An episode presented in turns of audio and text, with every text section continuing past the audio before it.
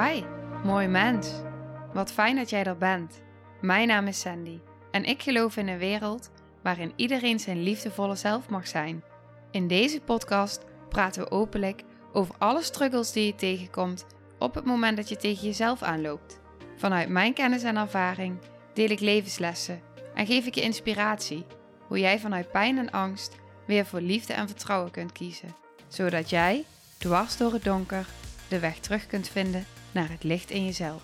Welkom bij de Liefdevolle Strijder Podcast.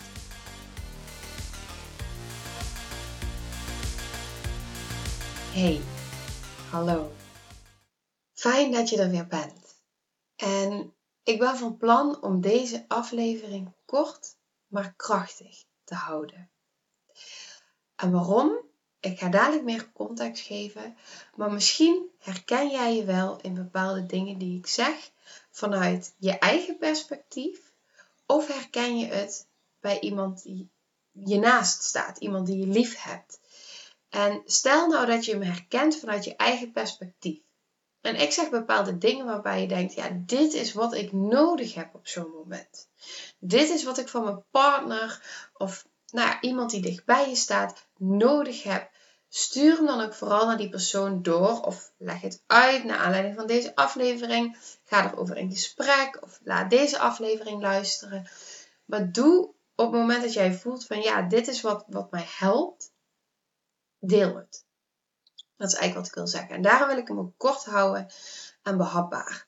Want waar ik het dus deze aflevering met je over wil hebben, is over het reguleren van de ander. En waarom het reguleren van de ander? Ik werd geïnspireerd dankzij mijn zoontje. En uh, hoe ik geïnspireerd werd door mijn zoontje is dat hij is natuurlijk een babytje van een paar weken oud, of jong. En babytjes kunnen zichzelf nog niet reguleren. Dus wat de situatie was, was dat mijn kindje huilde. En hij was gevoed, dus dat was het niet. Hij had geen honger. Hij had een schone luier, die had ik hem gegeven, dat was het niet. Ehm, hij was wel moe, maar hij kon niet slapen. Uh, het was wel overdag. Um, had een paar prikkels gehad, dus nou, dat kan het zijn. En op een gegeven moment merkte ik, ik dacht, misschien heeft hij krampjes, misschien heeft hij pijn. Dus ik ging allemaal verschillende houdingen aannemen. Misschien moet hij een boertje laten. Nou, je probeert van alles. En op een gegeven moment voelde ik, er is iets anders aan de hand. Dus wat ik heb gedaan op dat moment is, ik heb hem op zijn buik op mijn blote borst gelegd. En wat ik ben gaan doen is heel langzaam en diep in en uit gaan ademen. Dus echt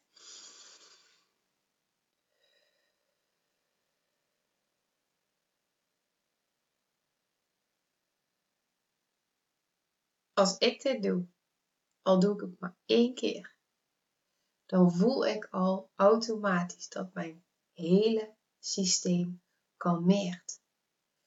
En wat ik voel op zo'n moment is dat ik dus in de energie naar mijn kind stem ik mezelf volledig af op rust, vertrouwen, veiligheid, op zijn. Ik was moe, ik had zelf weinig geslapen. Ik had dorst. Ehm, ik moest plassen.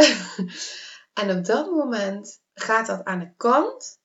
En het enige wat op dat moment doet, is hem die veiligheid bieden die hij op dat moment nodig heeft.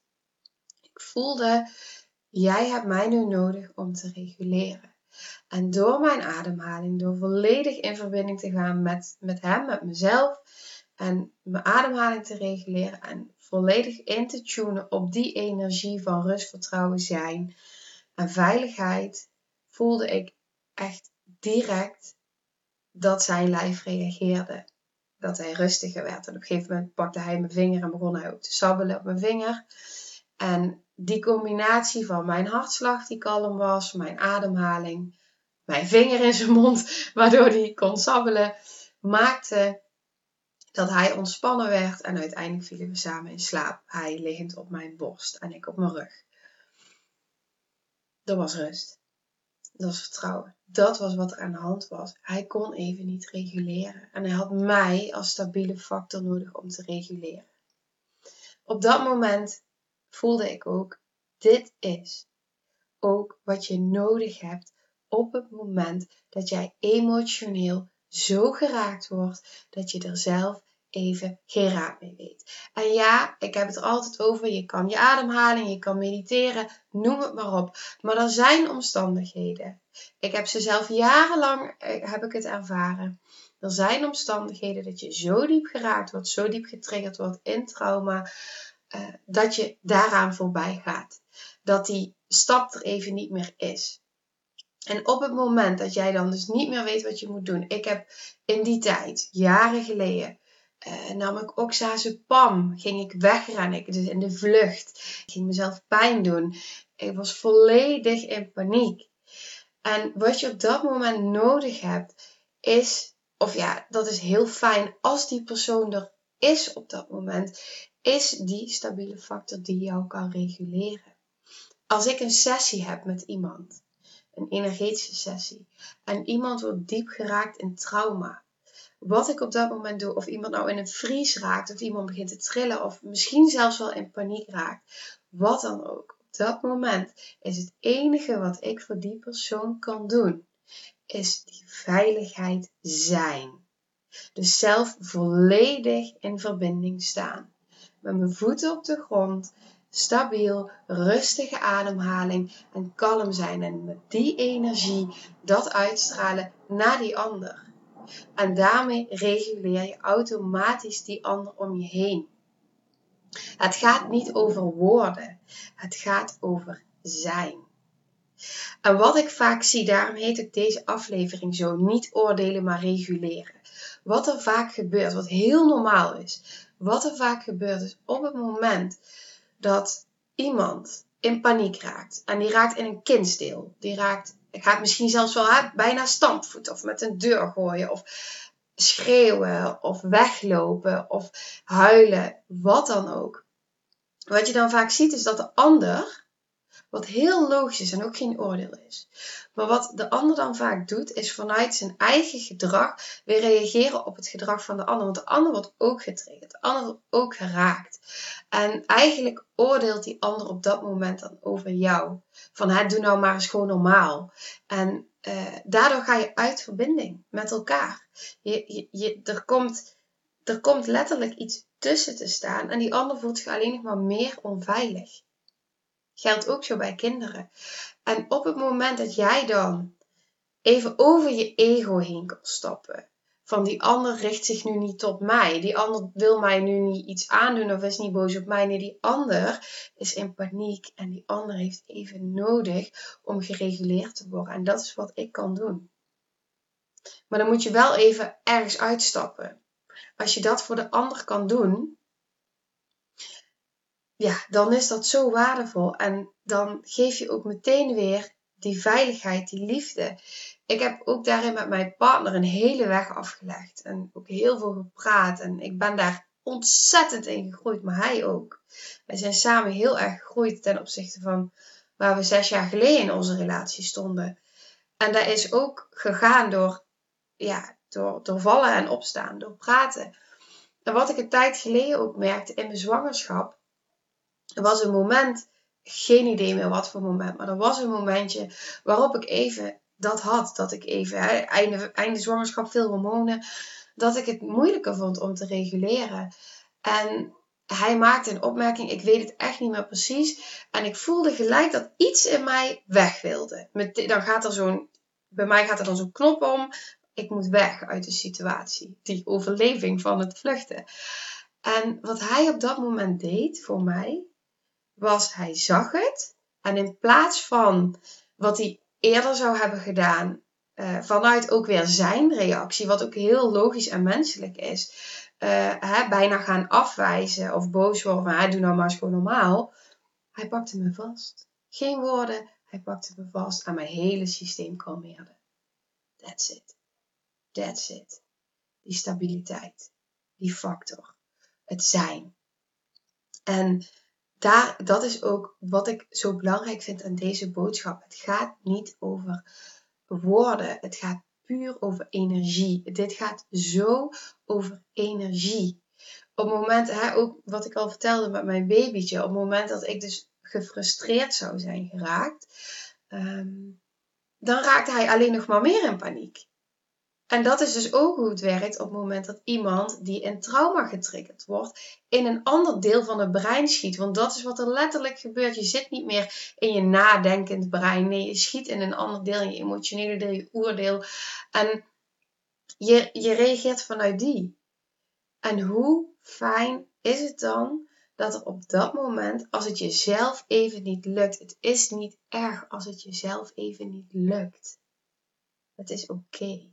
En hoe fijn is het dan als die persoon die je dan dus op dat moment even kan gebruiken, dat die even in die trauma die jij voelt, even jou die veiligheid biedt. Dat echt, het maakt een wereld van verschil. Een wereld van verschil. En dat is wat ik zo graag met je wilde delen. Misschien herken jij het bij jezelf, misschien herken je het bij je partner, of misschien herken je het wel bij je kinderen. En het is ook helemaal niet erg, wat ik ook al zeg, om, om zelf daarin ook getriggerd te worden. Het is zo logisch dat je daar af en toe in getriggerd wordt. Omdat het natuurlijk ook raakt als iemand anders bepaald gedrag vertoont. Want gedrag roept gewoon gedrag op. Het is actie-reactie. Maar als je het dan echt hebt over diepe verbinding, dan is er niks mooiers dan de verbinding die er ontstaat op het moment dat jij die ander echt ziet. Dat jij die ander ziet in die pijn die die ander op dat moment voelt. Dat jij die ander ziet en waar die ander in geraakt wordt. En die ander voelt dat. Dat, dat. dat hoef je niet te zeggen. Die ander voelt dat door jou, door jouw zijn. Dat is ook wat ik vanmorgen met mijn kindje ervaarde. Op dat moment dat hij dan rustig wordt op mijn borst, dan voel ik ons bijna samensmelten. Ik kan niet anders verwoorden. En dat, dat voelt zo, zo fijn. En ook in sessies, maar ook hoe ik het zelf heb ervaren op het moment dat ik zelf in paniek was. Dat ik zelf niet in staat was op dat moment om mezelf te reguleren. Hoe fijn is het dan dat iemand even jou vastpakt. En eigenlijk pakt hij dan niet alleen jou vast. Maar hij pakt ook, het raakt me ook gewoon, nu ik dit zo uitspreek. Hij pakt ook je trauma vast. Hij pakt ook je innerlijk kind vast. Hij pakt je pijn vast. Hij pakt eigenlijk alles vast in wie je bent of zij. Op dat moment. En dat is echt zien. Hij was een zeg ik met tranen die over mijn wangen rollen. Dat was mijn boodschap. Dus bij deze, niet oordelen, maar reguleren. En nu ik deze aflevering wil afsluiten, zie ik dat ik hem heb opgenomen. Niet met mijn microfoon, maar met de microfoon van mijn laptop. Dus ja, ik hoop dat het geluid goed is. Um, Sorry dat hij misschien anders wat minder goed is dan gewend. gewend. Maar ehm, dit was mijn boodschap. Ga het ook niet opnieuw doen. Het is wat het is. Ehm, ja, en daar sluit ik hem mee af. Met heel veel liefde.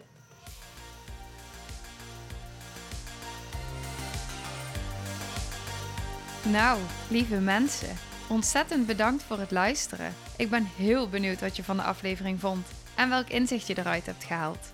Mocht je nog vragen hebben of is er een onderwerp waar je meer over wilt weten, laat het me dan weten. En wie weet neem ik het mee in een van de volgende afleveringen. Als je het leuk vindt, kun je de aflevering delen. Of maak een screenshot en tag me op Instagram. Want ik vind het echt super tof om te zien wie er luistert.